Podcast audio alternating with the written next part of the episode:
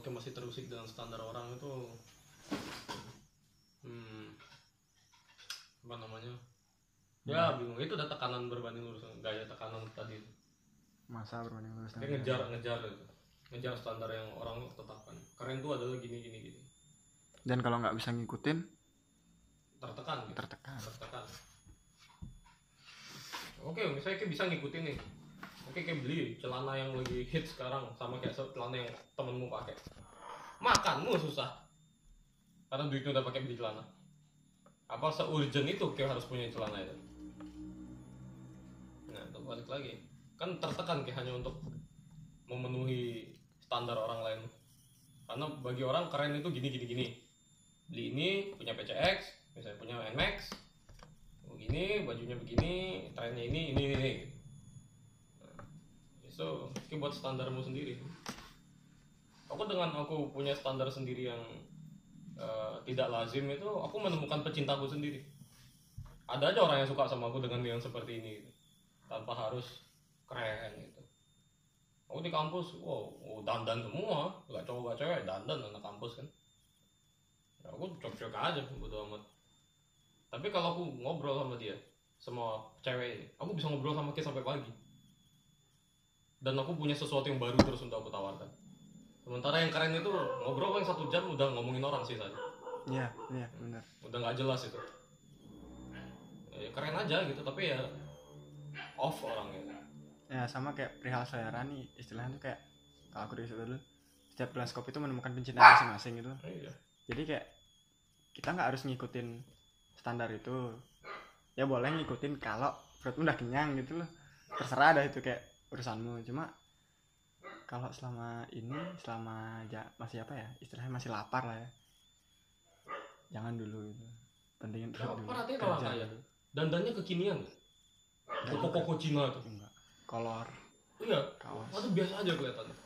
Dia nggak nggak pusing sama tren itu. Dia Becek. punya punya standar kerennya sendiri. Keren tuh gini. Gitu. tapi becek prioritas becek prioritas. Oh, itu, aku perhatiin tuh orang kaya tuh tuh. Oh, dia nggak terganggu ya gitu. Dia membiarkan aja kalau lingkungannya dia nongkrong sama teman-teman, teman-temannya dandan gitu, gaya gitu. Dia nggak ter- tergoda untuk itu. nggak terusik sedikit pun Dia tak terus sedikit pun. Padahal nongkrong asik-asik aja. Eh, Habisin aja. Asik-asik aja nongkrongnya gitu. Mau dipandang sama orang yang nggak tahu style. Keren kan beda-beda. Ya, tapi kayak kita istilahnya apa ya keluar dari batas-batas di sosial kita nih itu nggak mudah nggak sih? Apa kan karena kita terbiasa dengan standar sosial yang ada di masyarakat gitu jadi kita mau keluar dari itu dan buat standar kita sendiri tuh cukup apa ya cukup susah sih menurutku. Hmm. dengan kita dibiasakan ngeliatin orang yang kayak oh ini standarnya kayak gini. Ya contoh ada kayak yang bang Abu sering bilang tuh "Eh, anak muda harus pacaran gitu. Emang harus gitu loh. Ya. makanya tadi aku bilang sama sanggalnya tuh kayak man gimana ki? Pas di depan tadi pas bang Abu keluar. Man udah jadian Ki?" gitu. Enggak mas. Tendensi gue tadi tuh kayak emang aku cuma ngungkapin apa yang aku rasa ya loh. Nah perihal dia suka sama aku apa enggak itu bukan urusanku udah itu itu urusannya dia sama pribadinya dia sendiri. Istilahnya kayak gitu. Hmm.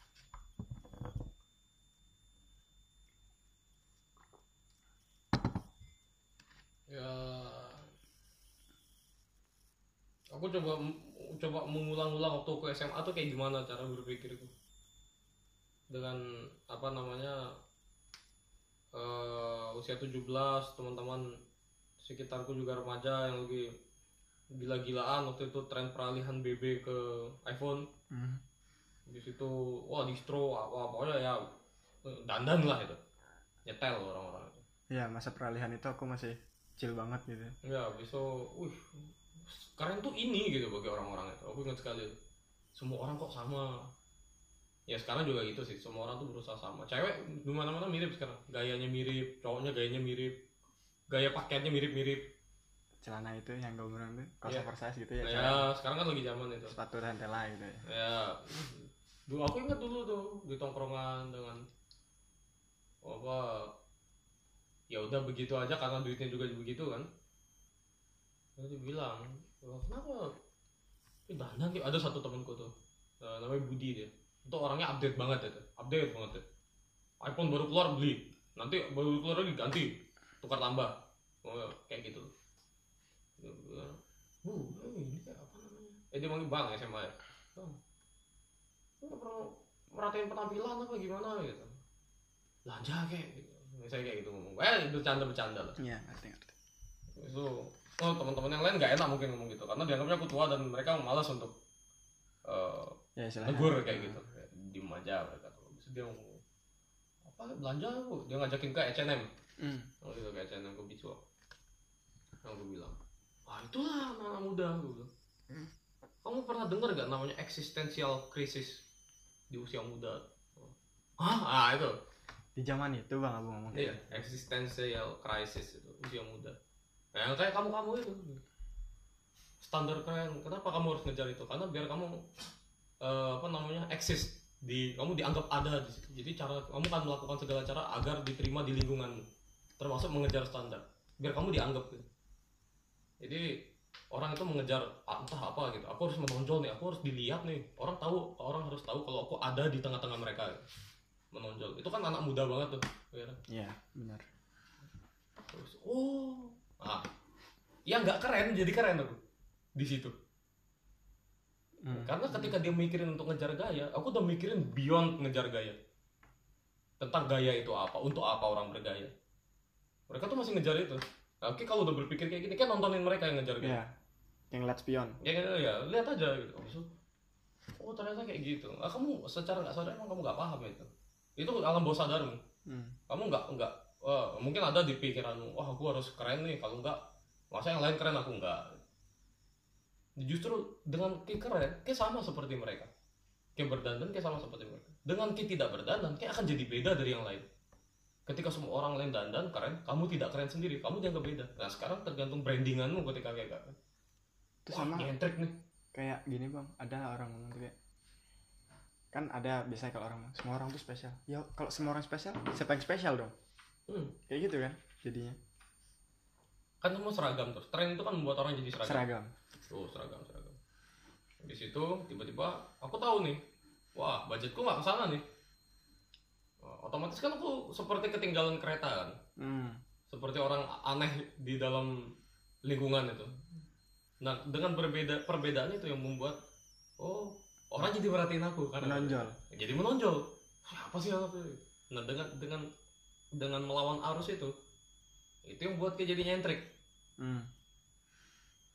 yang lain pakai sepatu itu apa yang dia bilang tadi sepatu sepatu itu Isuki cuma pakai sendal jepit aja nongkrong yang sama sepatu sepatu itu datang kayak gitu asik aja gitu Kayak gitu.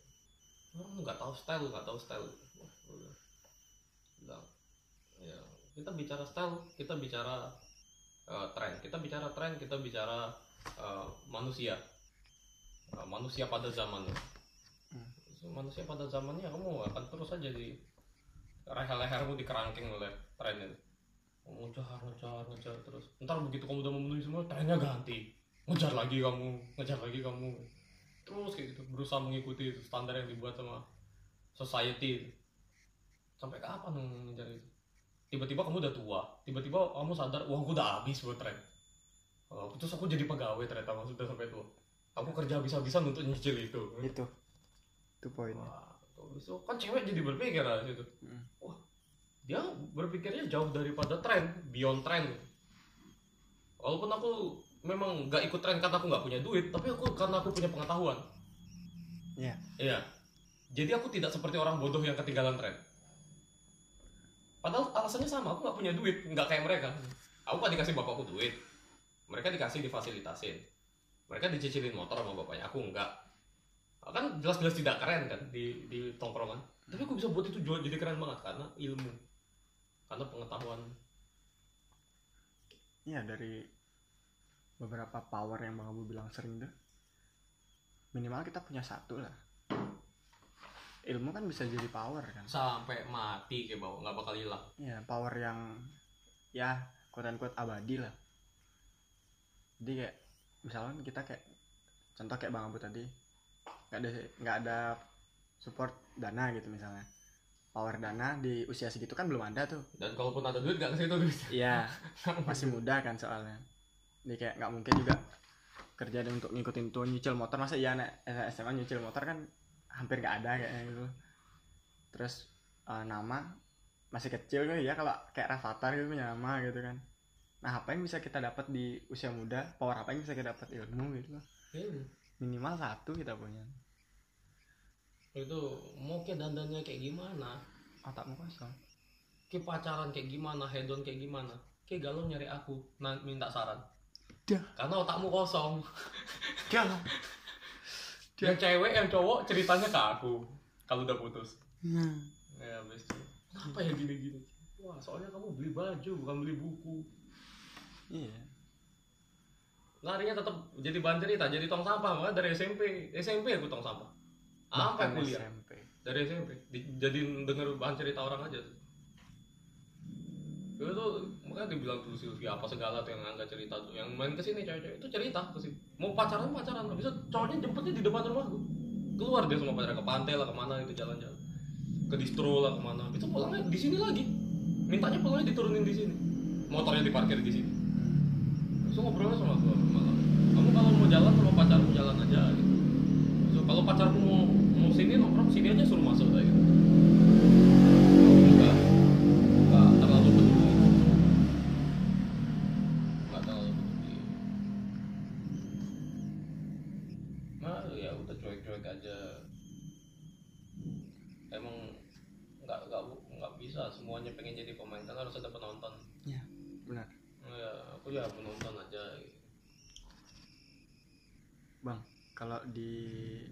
kita gitu. Misalnya anak-anak seusia aku tuh biasanya kan orang tuanya nggak bisa nih. Misalnya beli Vespa gitu. Anaknya kan ngerengek nih biasanya nih. Ngerengek kan sampai dapat kan. Nah kalau di ya contoh ada aku di rumah gitu. Aku ngerasa aneh sendiri bukan karena apa ya. Bukan karena aku gak disupport dan aku tidak minta atau gimana. Nah, aku lagi diem-diem ditawarin loh gara-gara orang tua aku ngeliat teman-temanku pada bawa PC Vespa gitu gitu kamu nggak mau digituin? Ngapain motorku masih bagus tak gituin? Hmm. lagian ini apa ya pembelian atas hilangnya sepedaku waktu itu loh. Masa nggak tak jaga gitu? Ya tapi kamu nggak pengen gitu. Lihatnya teman-temanmu kayak gitu kayak buat apa? Sama aja fungsinya tak gitu ya aku malah kayak kleh gimana kalau aku ngerengek sih? Ah, lagi diem-diem aja digituin loh. Kok gara-gara anak-anak sekarang kayak gitu? Bahkan orang tuaku mikirin juga kayak gitu loh takutnya dikira aku minder gitu Hmm. bisa ngefeknya tuh sampai ke pemikiran orang tua juga segala tren ini gengsi-gengsian ini loh Ya, itu juga satu penyakit orang tua Indonesia. Apa namanya? Bukan anaknya yang gengsi, orang tuanya yang gengsi ternyata. Anaknya si ini bisa di kasih gini, masa anakku nggak bisa gitu. Aku ya udah urusan orang lain itu ya keluarga dia, keluarga dia. Ya jelas lah kalau aku dulu naksir sama cewek, habis yang sainganku ya cowok lokal sini orang Bali ini yang pasti dibayarin sama bapaknya untuk apa aja pasti dikasih anak cowok kan. ya Hmm, itu udahlah biarin aja. Ya udahlah biarin aja. Dulu siapa ya? Kemarin siapa yang tak ceritain ya? Yang aku diterima pacaran malah aku stres itu. Aku nembak diterima malah stres aku di, di kosan temanku lagi nebeng. Kayaknya pernah di DK bang aku cerita tuh. Itu itu siapa ya? Bentar aku lupa. tuh. Jadi waktu gini eh, diterima, eh ditolak. Aku malah nongkrong sama temenku makan rujak kayak gitu loh di warung-warung SMA. hmm. Tidak terlihat seperti orang yang beban. Hmm, ya. Tiba-tiba besoknya diajak ngomong lagi di sekolah. Dibilang aku mau terima. Aku sebenarnya suka cuma orang tuaku apa namanya udah milih orang lain untuk aku. Terus ngomong gimana nih? Ya apa enggak? Gitu. Kemarin kan udah tak tanya. Oh, habis itu karena kamu bilang enggak ya udah tangkap udah selesai. Enggak, aku mau gitu. Jadi mau gimana nih gitu? Ya mau terima. Pulang mau stres aku. Di kosannya dia tuh cara tuh beban lagi tuh ada label gitu, ada tag gitu. Kalau bang boy nyari penyakitnya Ya, habis tuh karena aku saya uring-uringan kayak gitu tuh gimana ya temen oh, bagus lah. Lumayan kayak oh, cakep begini gini gitu gitu ngomong gitu. Temen aku bilang, oh, makanya gimana gitu. "Ah, dengan kondisi kok aku diusir sama bapakku kayak gini nebeng di rumahmu gitu. Besok aku cari gara-gara dengan cari cewek gitu. Mana dia cakep lagi yang suka sama dia banyak lagi. beban pikiran Ya jadi ini malah diterima jadi beban gitu. Udah putusin aja langsung tak telepon. Yuk ketemu yuk gitu. Nah gitu. Wah di situ aja. Ya deket-deket. Ngobrol aku bilang, sorry bukan gimana aku nggak bisa gitu. Oh gimana sih kamu? kamu nih maunya mainin aku apa gimana? terkejut deh terkejut ya. Sorry nggak bisa. Gitu wah kamu nggak jelas gitu. marah deh. Ya udah.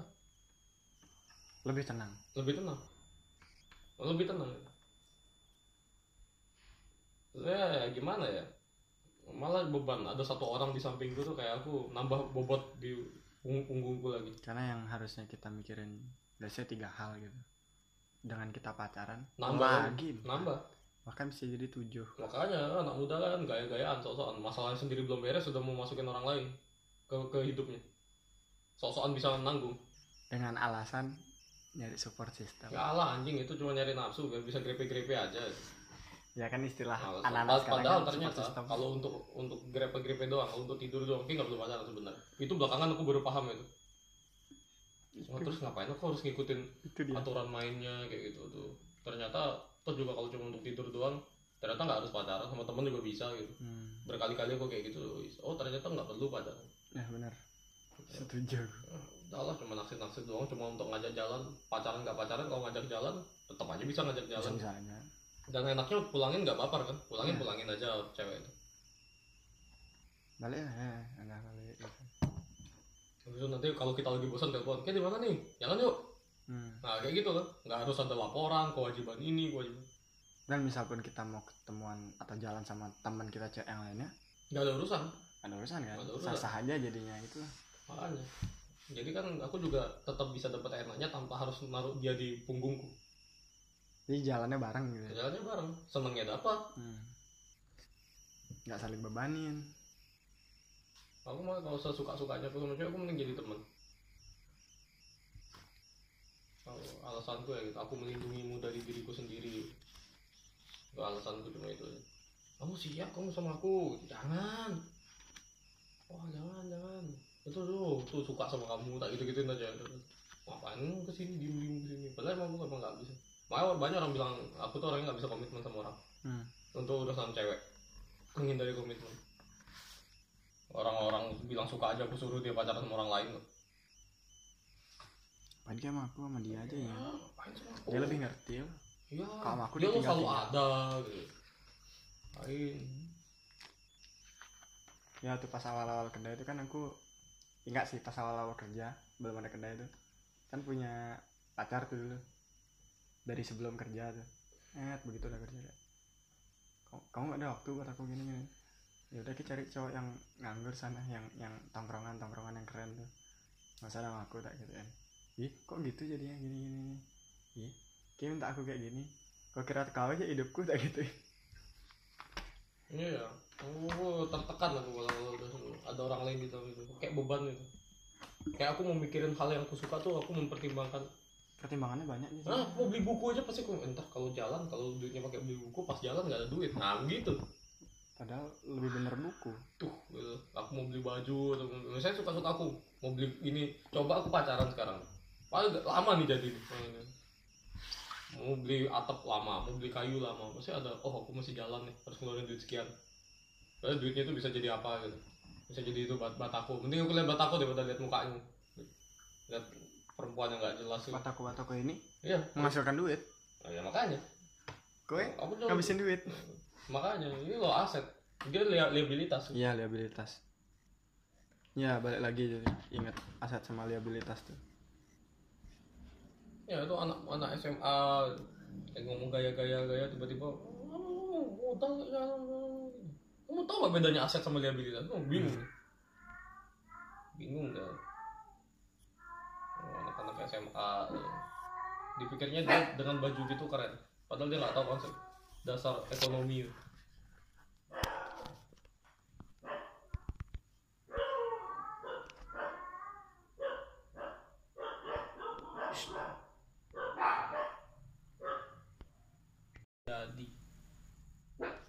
jadi prioritas nomor satu tuh nggak boleh di, dijadikan opsi hanya karena ada godaan satu dua lewat.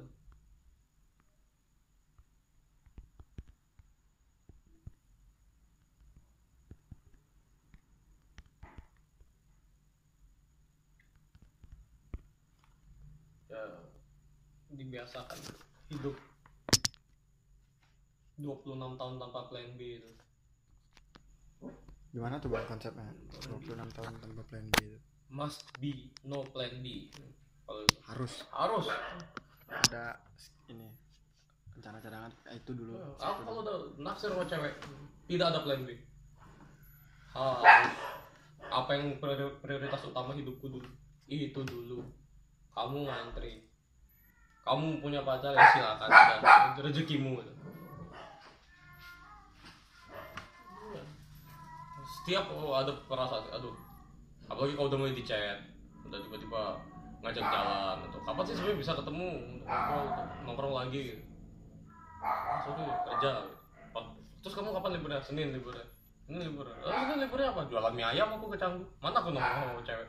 Jualan mie ayam tadi ke toko bangunan itu ke toko tukang kayu. Kalau aku bilang kalau kamu dapat seseorang gitu misalnya. Ya gak apa-apa jalan aja sama dia pacaran aja tiba-tiba kamu nungguin aku nggak jelas gitu nggak jelas? kalau kamu memang tidak bisa menahan apa Aku- tidak ada kewajiban di hidupmu untuk nungguin aku. Tapi kalau kamu mau datang ke hidupku silakan. Kalau kamu mau pergi silakan.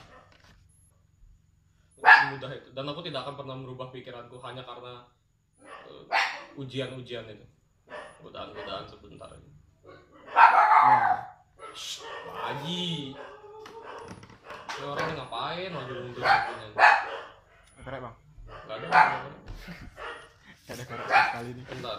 Harusnya ada korek batang Tuh kok yang an- yang yang lagi tak delay itu? Ini apa? Ini. Lagi tak delay apanya? Oh ini lagi tak delay? Harus tahan dulu. Tahan. Tahan nggak bisa. Oh up girl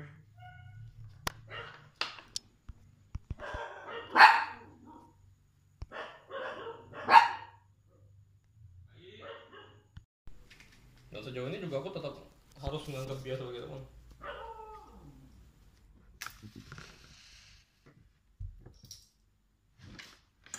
Harus. Ini sebenarnya kapan bisa ngobrol lagi gitu? Nggak bisa? Dengan dia sibuk dan temu model sana sini sana sini pemotretan sana sini sana sini. Ya kamu juga pasti akan ketemu sama yang cocok sama kamu pasti. Udah gitu aja. Kamu masih muda. Ya beda setahun lebih muda setahun dari. Hmm, yang harusnya ya pemikirannya udah dewasa pasti. Ya. Aku jauh lebih senang kalau bisnisku jalan daripada euforia aku punya cewek cakep. Yang nggak tahu besok masih ada apa nggak. Mendingan punya aset. Jelas duitnya masuk. Setidaknya kalau aku punya cewek-cewekku pergi aku masih gampang nyari cewek. Lain karena asetku jalan tapi kan ada yang bilang tuh kayak bahwa ya anggap dah kayak ngisi waktu luang ya. Ki bisa ngisi waktu luang dengan baca men. Ya banyak. Banyak Ya. yang bisa ngisi waktu luang men. Ya bang abu contohnya kayak ngisi waktu luangnya lagi kerja baca. Terus kalau enggak ini ngebangun kan segala macem. Kayak kenapa harus ngisi waktu luangmu dengan pacaran? gitu kan ya boleh sih sah sah aja sih. Cuma gitulah Ya, itu hidup itu pilihan. Hidup Ah, itu dan pilihan. konsekuensinya tanggung sendiri. hmm. kayak milih jangan ngeluh gitu aja Ya, sebenarnya apa yang kalau Angga cerita dia bilang aku harus jadiin bisnisku baru aku nanti nyari devil. Ya aku bilang sama Angga, dia juga gak sendiri kan.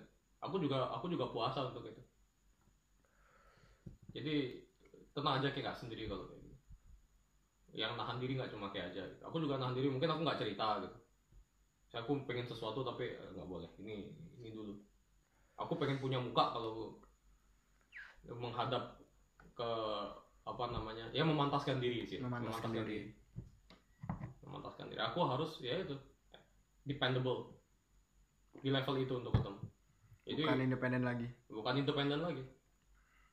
Jadi ketika ketemu orang ya kayak punya posisi. Kayak tahu uh, positioning bukan orang yang datang habis itu random dan kayak bermain judi di situ kayak ngelempar dadu di situ. Gambling. Jangan pernah itu. Apalagi kalau urusan pacaran gambling itu jangan. Nembak itu bukan gambling. Nembak itu bukan gambling. Nembak itu bukan kayak gak tahu dia suka apa enggak sama kayak terus kita tembak. Habis itu aduh diterima kayak gitu. Enggak bukan gitu. Ne- ya nembak itu adalah kayak harus sama-sama suka dulu. Dan itu udah pasti.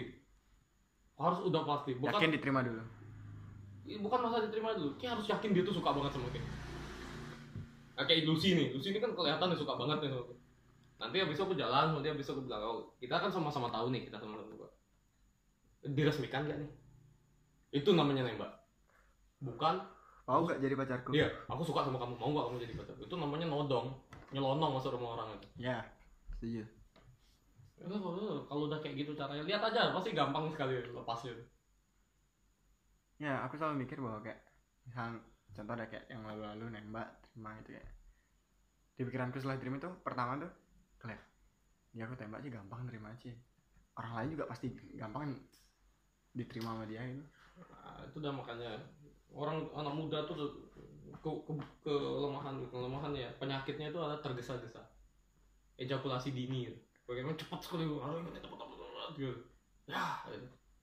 Orgasmenya tuh cepet nggak nggak nggak winter main tempo. Ya. Makin dewasa gitu paham sekali tuh. Tempo Ya. ritmenya. Dia sabar nungguin dari awal tahun ini awal tahun sampai sekarang udah mau Desember udah November. Wah jelas cuma dia ngobrol. Dari dia di Kanada dia udah datang ke Bali. Kok aku udah datang ke Bali kamu nggak ini? nggak nyamperin? Iya. Kok kamu nggak nyamperin aku datang ke Bali? Iya iya iya. kamu teleponan teleponan tapi oh, sorry aku lagi sibuk Nah, sibuk aja walaupun cuma nongkrong aja aku di mana gitu. Habis sibuknya bukan ke dia ya. Ke mana gitu malah. Ya aku di DK kopi Iya, padahal habis sibuk aku bisa aja nyari dia. Aku habis sibuk bisa aku buat nyari lu sih. Nginep sana apa gimana bisa aja. Nggak mau. ya lu itu satu-satunya cewek yang mau gue ajak ke DK tuh Iya, itu yang paling kelihatan sekali ngelain tuh. Dan terang-terangan ngomong perasaan. Kalau yang lain-lain ya, tapi biasa-biasa aja gitu. bang bu lebih memilih yang kelihatan banget apa yang misterius masih nggak ketebak Yang misterius, jauh. Jauh. Karena orang yang me- meng- yang kelihat memperlihatkan perasaannya itu cenderung akan mengiyakan apa yang aku bilang.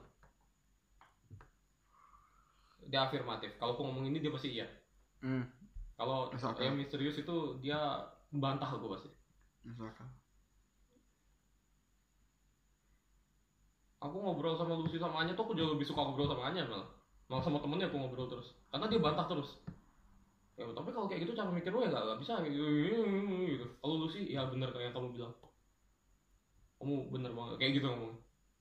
Padahal sama pinternya. Tapi karena ini dia ada punya perasaan, afirmatif dia kehalang sama perasaannya untuk mengatakan kebenaran. Dia pengen ngomong gini tapi nggak nggak bisa. Kalau aku ngomong gini takutnya dia gini, takutnya dia gini. karena perasaan kan. Nah kan orang pacaran itu takut ngomong yang sebenarnya, karena dia harus mementingkan ini. Jadi dia harus kompromi dengan kebenaran. Jadi padahal dia percaya ini sebenarnya, tapi aku ngomong. takutnya dia mikir kayak gini ada yang tidak suka sama aku Ah, jadi banyak pura-puranya kalau pacaran. Itu yang aku malas. Aku lebih suka orang yang ya itu langsung tak tak tak tak tak tak tak tak gitu. Jadi hidup itu. Lu dari awal tahun nih ngobrol-ngobrol nggak jelas itu. Aku juga nggak mau nyetor nyetor diriku dengan aku yang masih 50% atau yang in the process ya. Masih in the making ya aku mau matang baru aku datang punya muka ayo deal baru bikin deal ya. oke juga masih setengah-setengah masih merintis masih kacau balau sama hidupmu wah jangan orang matangin masing-masing dulu ya ya iyalah. Kamu punya waktu senang-senang lah dulu. Hmm, teman-teman lu kamu banyak punya teman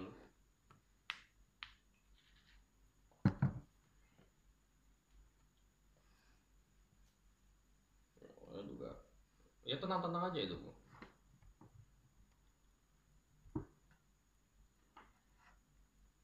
benar kata enggak kalau mau mau marah ah malu sama umur. Nah mau tergesa-gesa kayak orang bodoh gitu. Ah nggak bisa itu cara-cara teenager itu kayak gitu. Masih ah, suka aku suka banget kok sama orang ini. Ah chatku dibalas kok. Ah, kayak gitu-gitu tuh. Aduh teenager itu. Oh, kenapa chatmu dibalas? Baru orang nanya apa kabar. Oh, aku di chat sama dia kayaknya suka dia sama gue. Oh, kemarin tuh di di bilang tuh kok aku baru menang olimpiade terus aku di chat lagi sama cewek itu yang dulu eh, deket. Iya dia ngomong apa emangnya? Itu ceweknya suka sama Ki apa Ki-nya GR itu dua hal yang berbeda tuh. Lu cuma di chat selamat ya tuh GR wah dia suka sama aku nih. Lu itu bukan dia suka itu kayaknya GR ya apa salahnya dengan mengucapkan selamat?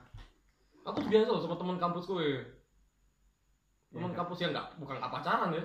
Sama sekali nggak pacaran dan berteman nongkrong aja gitu. Yang mau kamu kayak teleponan waktu itu yang gitu kan? Iya kayak gitu. Ini beda lagi orangnya. Eh eh, mana sih orangnya se se apa namanya ya? Sebiasa itu obrolannya. Maksudnya happy birthday love you love you too. Udah kayak gitu aja. Sampai sekarang gak ada balas. Love you eh, habis itu padahal temen nongkrong. Terus aku bilang wah dia suka banget sama aku. Oh, gitu. dibalas chatku dibalas dia love you too juga gitu. Enggak. Apa sih? Iya bagiku kayak entah ya. Bagiku yang kayak gitu tuh ya masih biasa aja karena kan sama-sama tahu kan bahwa kayak ah, ini cuma ungkapan temen aja nih gitu lah. ya dan harusnya semua orang juga biasa dengan dengan temennya Saling menyayangi gitu. ya. iya Biasa aja men. harusnya biasa aja bukan Kas- obrolannya Kasihlah sesama manusia. suka nih sama aku nih. aneh sekali baperan loh itu oh fatal itu baperan Kayaknya tuh jadi ini sih bang mereka. Jadi seniman sih.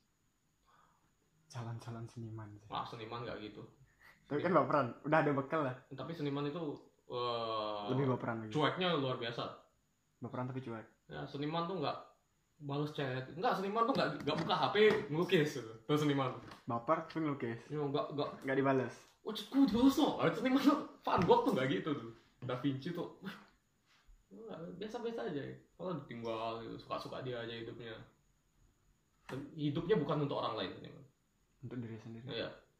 Jadi, oh orang lain itu hanya perantara-perantara aja untuk karyanya dia.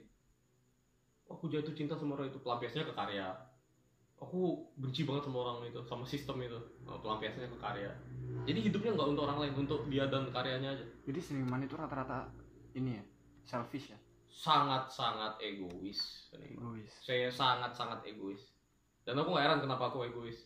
Karena aku di- dibesarkan Di dengan bukan di keluarga keluarga sama sekali bukan keluarga seniman. Biasa biasa. Aku dibesarkan dengan cara berpikir eh, pelampiasan itu karya. Hmm.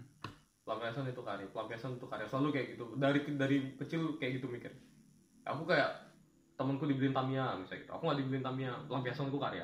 Aku gambar Tamiya biar merasa punya.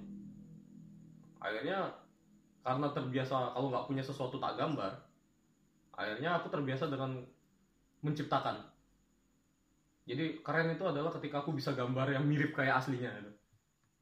wah David Beckham pengen banget jadi pemain bola. Tapi nggak di, nggak dimasukin sekolah SSB yo aku gambar David Beckham semirip miripnya dan aku ngerasa aku punya David Beckham nah kan egois itu. Iya. ya itu menjadi egois. Ya keakuannya tinggi. Keakuannya tinggi.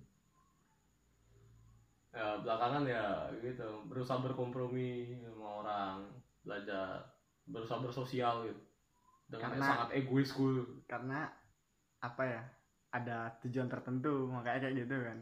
Karena kamu istilahnya kayak ya ya, buka bisnis segala macam kan kalau tetap Iya. dengan egoisnya kan nggak bisa. nggak bisa kan nggak jalan nggak bisa. Harus kompromi. Seniman itu yang ciri khasnya tuh dua yang paling yang paling menonjol. menonjol. Egois sama narsis. Oh itu seniman sekali dia rela berpakaian nyentrik loh bang Abu egois tapi tidak narsis Eh, nggak tahu ya. Aku bagiku dengan aku masuk main sosmed tuh aku masih narsis itu kan. Masih narsis. Masih narsis walaupun kadarnya kecil ya. Karena nggak banyak eh, dengan tempo update-nya mungkin apa maksudnya foto postingan dan tidak ya beda. Tapi bagiku orang kalau nggak semua orang yang di sosmed itu itu pasti narsis. Iya. semua orang yang di Instagram dia punya narsisme kadarnya beda beda Iya. Karena seniman itu pengen karyanya dikenal. Makanya ada pameran. Pameran itu kan untuk pamer. ya pameran kan Hmm, pamer itu kan narsis. Pekerjaan apa lagi yang sampai ada pameran? Kau bukan seniman. pameran seni biasanya Hmm. Pameran pasti seni. orang tuh sampai pamer demi biar aku tuh diakui sampai kayak gitu sampai buat acara sendiri biar dia diakui karena udah salah saking jauhnya dia sama dunia dunia lagi ngomong apa dia mau bicara apa dan dia perlu pengakuan itu Iya dan dia, oh, aku kayak jauh sekali orang udah ngomongin teknologi aku masih gores-gores kanvas ini. Biar aku ditandai orang nih gimana nih? Uh, bikin pameran. Saking terlalu jauhnya dia sama dunia. Dia hidupnya sendiri ngurung di kamar gambar gak jelas gitu. Respon-respon itu. Ya aku berusaha untuk tidak terlalu berjarak itu ya udah memahami orang, dengerin cerita,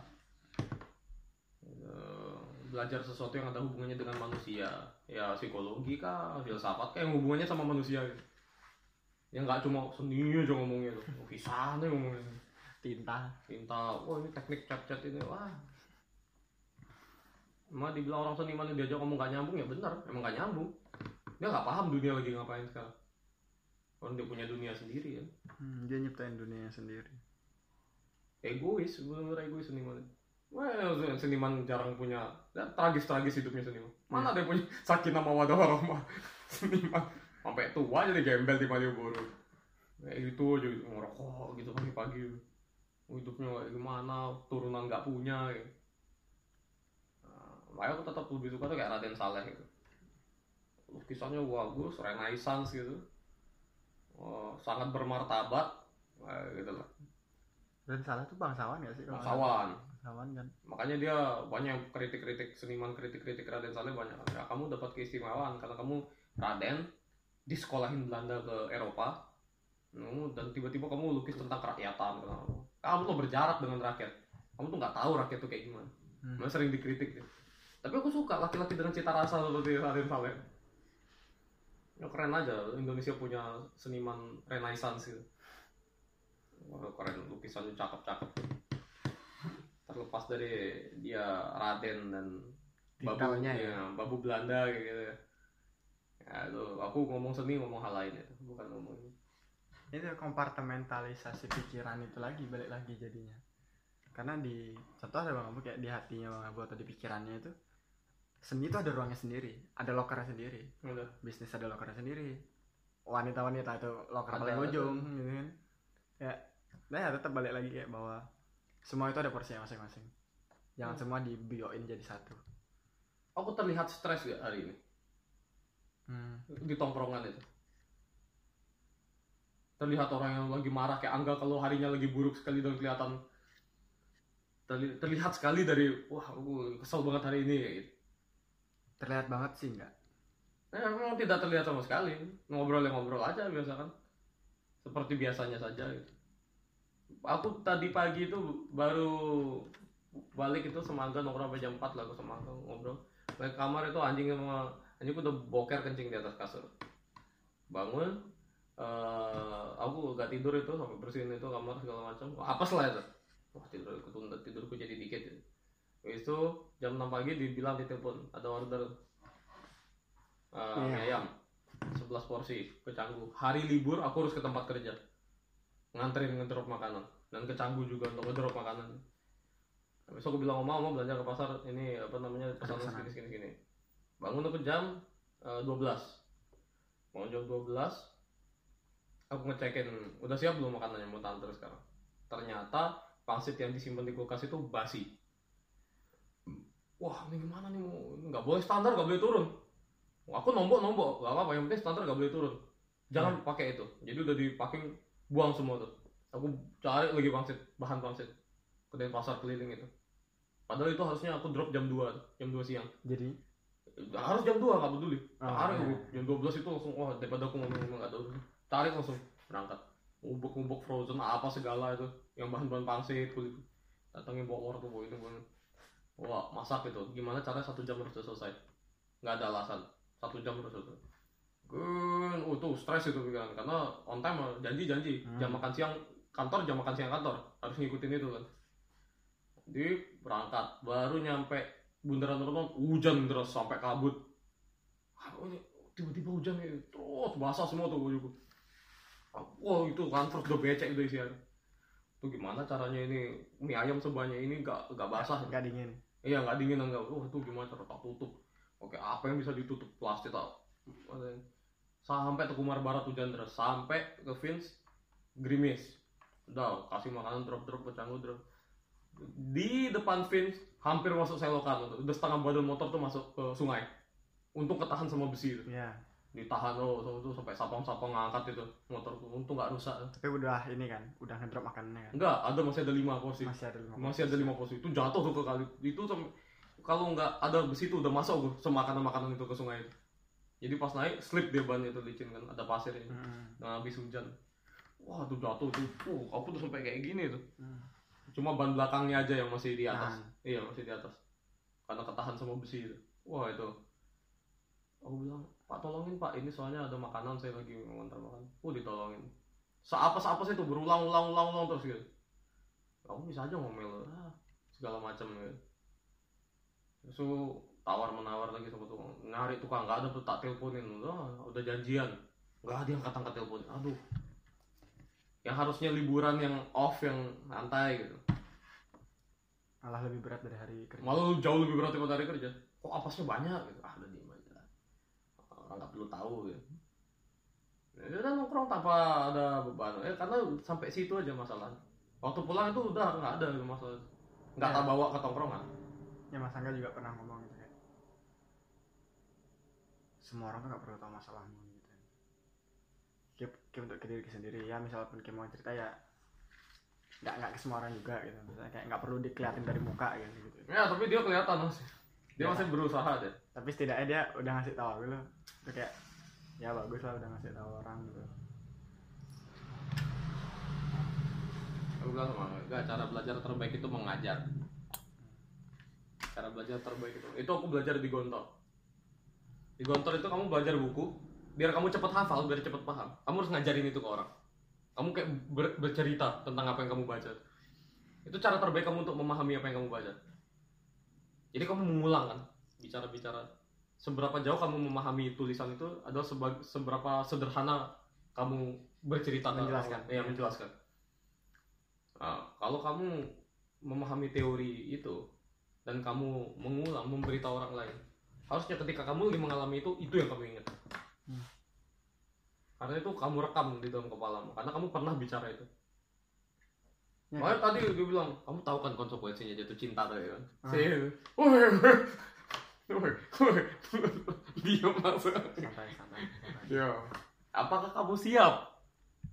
Enggak, kalau kamu ngomong gitu ke orang, kamu sudah siap loh. Kalau kamu yang mengalami itu. siapa nih Ah, enggak. Hmm. Kalau kamu udah bisa ngomong gitu ke orang, apa kamu sendiri siap? Oh, kamu nggak bisa ngasih tau orang tapi kamunya sendiri aja nggak siap. ya. Nggak bisa. aku tahu ju maksudnya kayak istilah kayak bu itu bang bu baru ngasih tahu judulnya nih. Terus aku ingat kayak kan mas Angga baru masuk nih. Dia minta diajarin latte art kan awal-awal tuh. Aku nggak pandai nih latte art nih. Mau nggak mau nih belajar kayak sambil ngajar juga kan. Latihan sendiri malam-malam tuh pakai sunlight gitu kan karena mau nggak mau nih ngajarin orang kan soalnya. Masa aku nggak bisa gitu kan?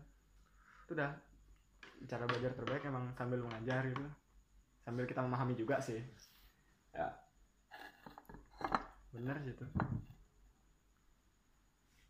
Ya sama Angga tuh bilang itu dah. Aha itu ini kepercayaan dirimu ini kompetensimu.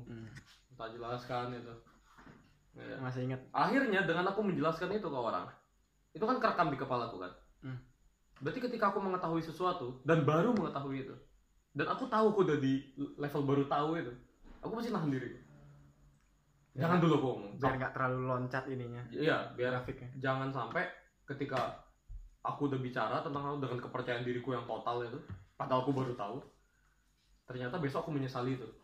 Ternyata itu hal yang belum aku tahu tuh banyak tentang itu. Tapi aku udah ngerasa tahu. Makanya kadang-kadang kalau aku baru belajar baru banget atau tadi malam, aku nggak mau ngomongin. Ah, Kecuali udah satu minggu.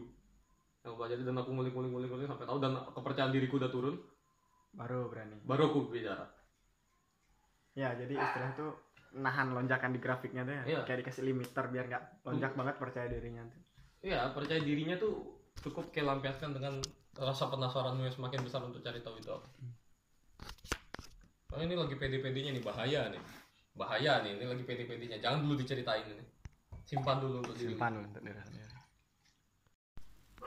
Pulang baru bahas itu. Ah, mungkin ini ujian kompartementalisasi itu. Kerja urusan kerja kerjaan dulu walaupun itu mengganggu. Wih, jangan sampai mengganggu. Karena aku dibayar bukan untuk mengeluh aku dibayar untuk bekerja gitu.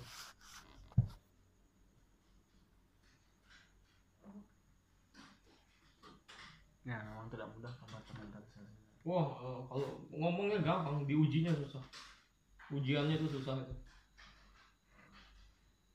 itu belum disuruh ikhlas loh baru disuruh milah ya milah aja Iya, belum disuruh ikhlas. Ikhlas tuh jauh lebih susah. Sabar itu jauh lebih susah. Ya itu mungkin sabar ya. Karena itu pengendalian diri. Tapi kalau ikhlas itu yang paling susah.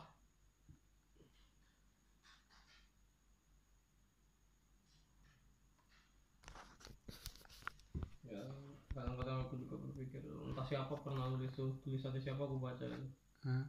bilang manusia itu tertekan apa stres itu karena terlalu menganggap serius yang Tuhan ciptakan dengan untuk bercanda manusia itu terlalu, terlalu serius padahal dunia ini bercanda dunia terlalu bercanda Nah, ya, Tuhan tuh menciptakan ini dengan bercanda dan kamu terlalu serius untuk itu makanya kamu stres. Cuma biasain aja. Padahal biasain aja. Nikah tuh kan nikah aja gitu. Yang bikin susah tuh kan karena harus cakep Hmm. harus tipeku ah, harus harusnya itu harus harusnya. Ini nikah ya nikah aja, beranak ya beranak aja.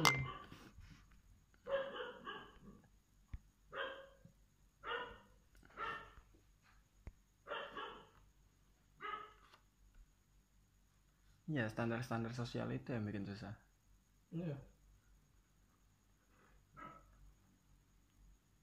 Nah, apalagi makin tahu itu belajar itu apa namanya kau mengetahui itu eh, apa yang istilah kata orang konspirasi konspirasi oh ternyata dunia ini dikontrol sama orang ini memang didesain untuk ini. Dan aku tahu role playku di mana gitu.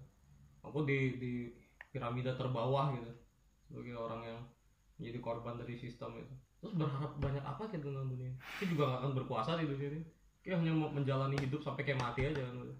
ya fungsi Kayak udah, kayak, sosial kayak udah tahu kayak tuh kayak, gimana mainnya di sini. Berarti kan hidup dijalanin aja. Seberusa berusanya kayak ya kita tahu akan sampai semana itu batasmu itu. Oh, iya. oh kastanya di sini. Sebaik-baiknya budak adalah budak yang baik gitu. Hmm. Menjadi budak yang baik. Oh, udah dan wah juga dunia juga cuma sementara ntar juga cuma mampir mampir hidup aja. Ntar juga mati. Mau mau top top berkuasa di bumi juga ntar juga dia mati kok sama aja. Ya akhirnya nggak muluk-muluk banget sama itu. Benar kata orang itu. Idealis itu ujung-ujungnya pasti bakal pragmatis semakin dewasa. Semakin pragmatis. Semakin pragmatis. Udah yang penting hidup yang penting makan Makanya bicara sama orang tua itu kan orang tua pragmatis pemikiran, anak muda idealis, makanya sering berantem bapak sama anaknya. iya Orang tua tuh mikirnya praktis, udah kamu gak usah mulu-mulu kayak gitu, udah lah gitu. Orang tua kan suka gitu. Anak muda kan nggak paham sama cara berpikir itu, karena masih membara. Kita bisa mau perubahan ini bisa gini. Udah, udah ini aja, udah syukur kok. Orang tua kan gitu, sangat pragmatis memikirnya. Yang penting hidup, yang penting makan, yang penting kebayar tagihan gitu. Nah, anak muda ini waktu udah mulai dewasa bener juga, ngapain teriak-teriak di jalan demo? Nggak penting. Ini idealisme ini? Ngomongin negara. Makanya kalau kita, itu udah dewasa lebih awal daripada orang tongkrongan itu dianggapnya apatis. Di- dianggapnya apatis. Wah aku di, di kampus masa-masanya orang-orang itu idealis-idealisnya. Hmm.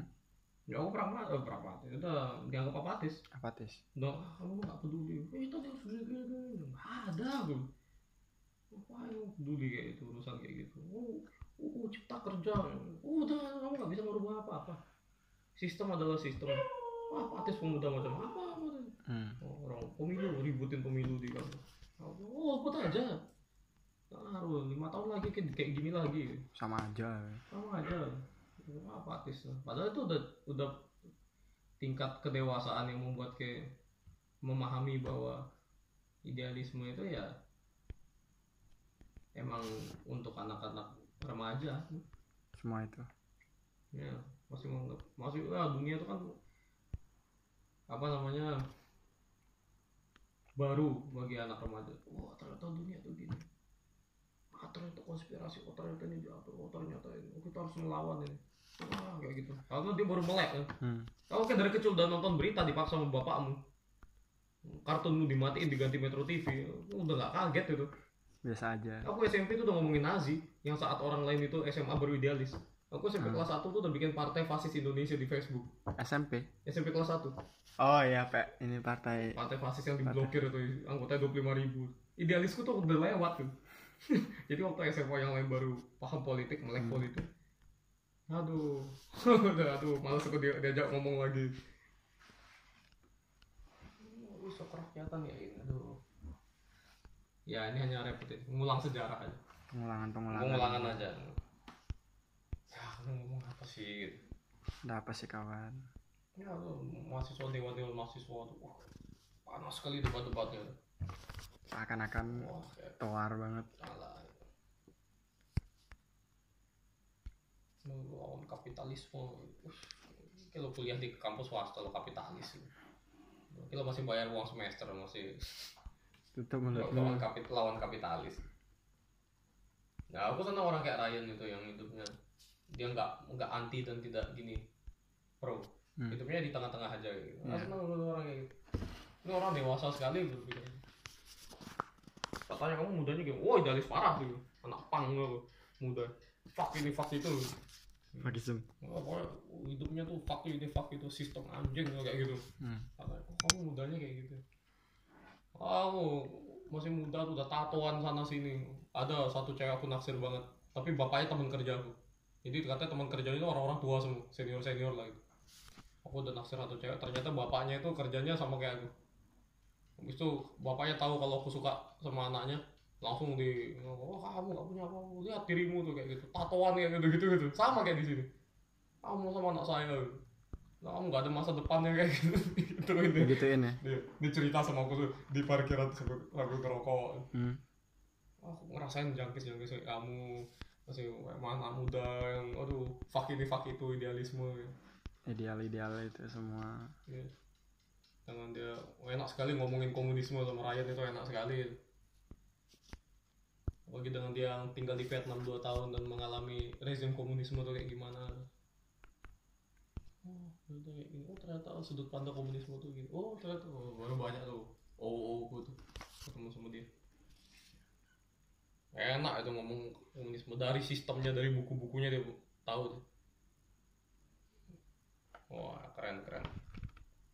Jarang. Ini dah orang yang mudanya vaksin vaksin itu waktu tua udah. Aku nggak nggak pro nggak kontra. ya. Nah kita main santai. Main santai aja. Ada benernya ada salahnya gitu. Ya ya udah aku lah. ditanya aku penasaran waktu itu aku ditanya aku tahu kamu orangnya politis sekali gitu. Hmm. dari mana kamu tahu? gitu. Lo tahun lalu lo kamu udah kamu ngelamar di sini tuh aku udah lihat Isa storymu terus. Dari tahun lalu ternyata dia suka. Aku pantas lihat kok Mother Hacker sering banget liatin ini Insta storyku dari tahun lalu. So, oh itu kamu yang ngatain iya tapi kira si David ini oh enggak itu aku sendiri yang megang aku sering lihat Insta storymu bahas, bahas politik bahas ini kamu orangnya suka politik ya itu ya aku tertarik untuk eh, apa namanya ngomong politik menurut lo komunisme kayak gimana sih? uh, tiba-tiba kayak gitu. tembak langsung Iya, saya tahu di Indonesia pernah ada sejarah kelam komunisme di sini. Partai-partai komunis ini. Oh ya cerita lah. Ya aku bilang komunisme itu hanya menciptakan oligarki baru aja. Seakan-akan melawan eh, oligarki oh ya oligarki, Nah, bikin orang kaya, padahal dia untuk mem- mem- apa namanya memenuhi ketamakannya orang-orang ini aja. Tapi mengatasnamakan rakyat. dengan dalih Iya. dia bilang, Oh ya itu benar itu setuju. Manusia tuh keta- tamak manusia. Dia akan cari cara gimana pun caranya untuk sifat dasar Nah, iya. Jadi pada akhirnya komunisme tuh bagus se- sebagai cerita dong dongeng. dongeng ya Oh bagus ya cita-citanya ya mulia cita-cita. ya udah berhenti sampai situ aja Udah kayak gitu. Ya, itu ngomong ngasih siang sampai maghrib tuh aku di depan di depan Vincent. Ngomongin komunis sama seorang kapitalis. Kamu lo punya usaha. ya, ngobrol ya ngomongin komunis kerakyatan gitu tapi sama orang yang kapitalis kayak ya bang abu gitu salah yang diajak ngobrol kayak Iya. Dan aku juga kapitalis itu udah kayak ih udah lah mau nih Sama-sama kapitalis. bilang kapitalisme itu nggak buruk kok yang buruk tuh ketamakan manusia. Komunisme tuh nggak buruk yang buruk tuh ketamakan manusia. Iya. Kan dasarnya aja udah ketamakan ya gimana? Kan tetap seperti itu. Ya menarik gitu Woi, asik ya punya apa namanya punya atasan yang sangat dan dia sangat menghargai buku dan dia sangat senang sekali kalau aku di sana baca. Di tempat kerja lagi. Sportif Iya, dia seneng dia. Oh, kamu baca buku apa itu? Ini terus. Oh ya bagus, Nietzsche bagus bukunya. Kamu udah pernah baca ini gak, Dita? Apa punya George Orwell tuh, eh, Animal Farm. Oh, pernah aku baca. Aku bilang itu kakekku yang menerjemahkan ke bahasa Indonesia. Tak cariin di Tokopedia nih. Terus, oh ya, berarti emang apa ada sejarah literasi di keluargamu. Ada budaya membaca juga. Bilang iya emang kalau dari bapakku masih kecil selalu di, diajak ke sosial media nggak nggak pernah diajakin ke toko mainan oh bagus bagus bagus. Oh ternyata itu aku. Oh ternyata sayangnya bapakku ke aku tuh dengan kayak gitu. Dengan maksa aku bisa bahasa Inggris dari kecil itu sampai disabet-sabet aku. Belajar bahasa Inggris disabet-sabet abis aku. Sama disuruh baca buku. Kelihatannya kejam. Ternyata aku jadi begini di antara teman-temanku yang lain itu karena sayangnya. karena sayangnya yang pakai tangan itu Wah, kayak gitu. Eh,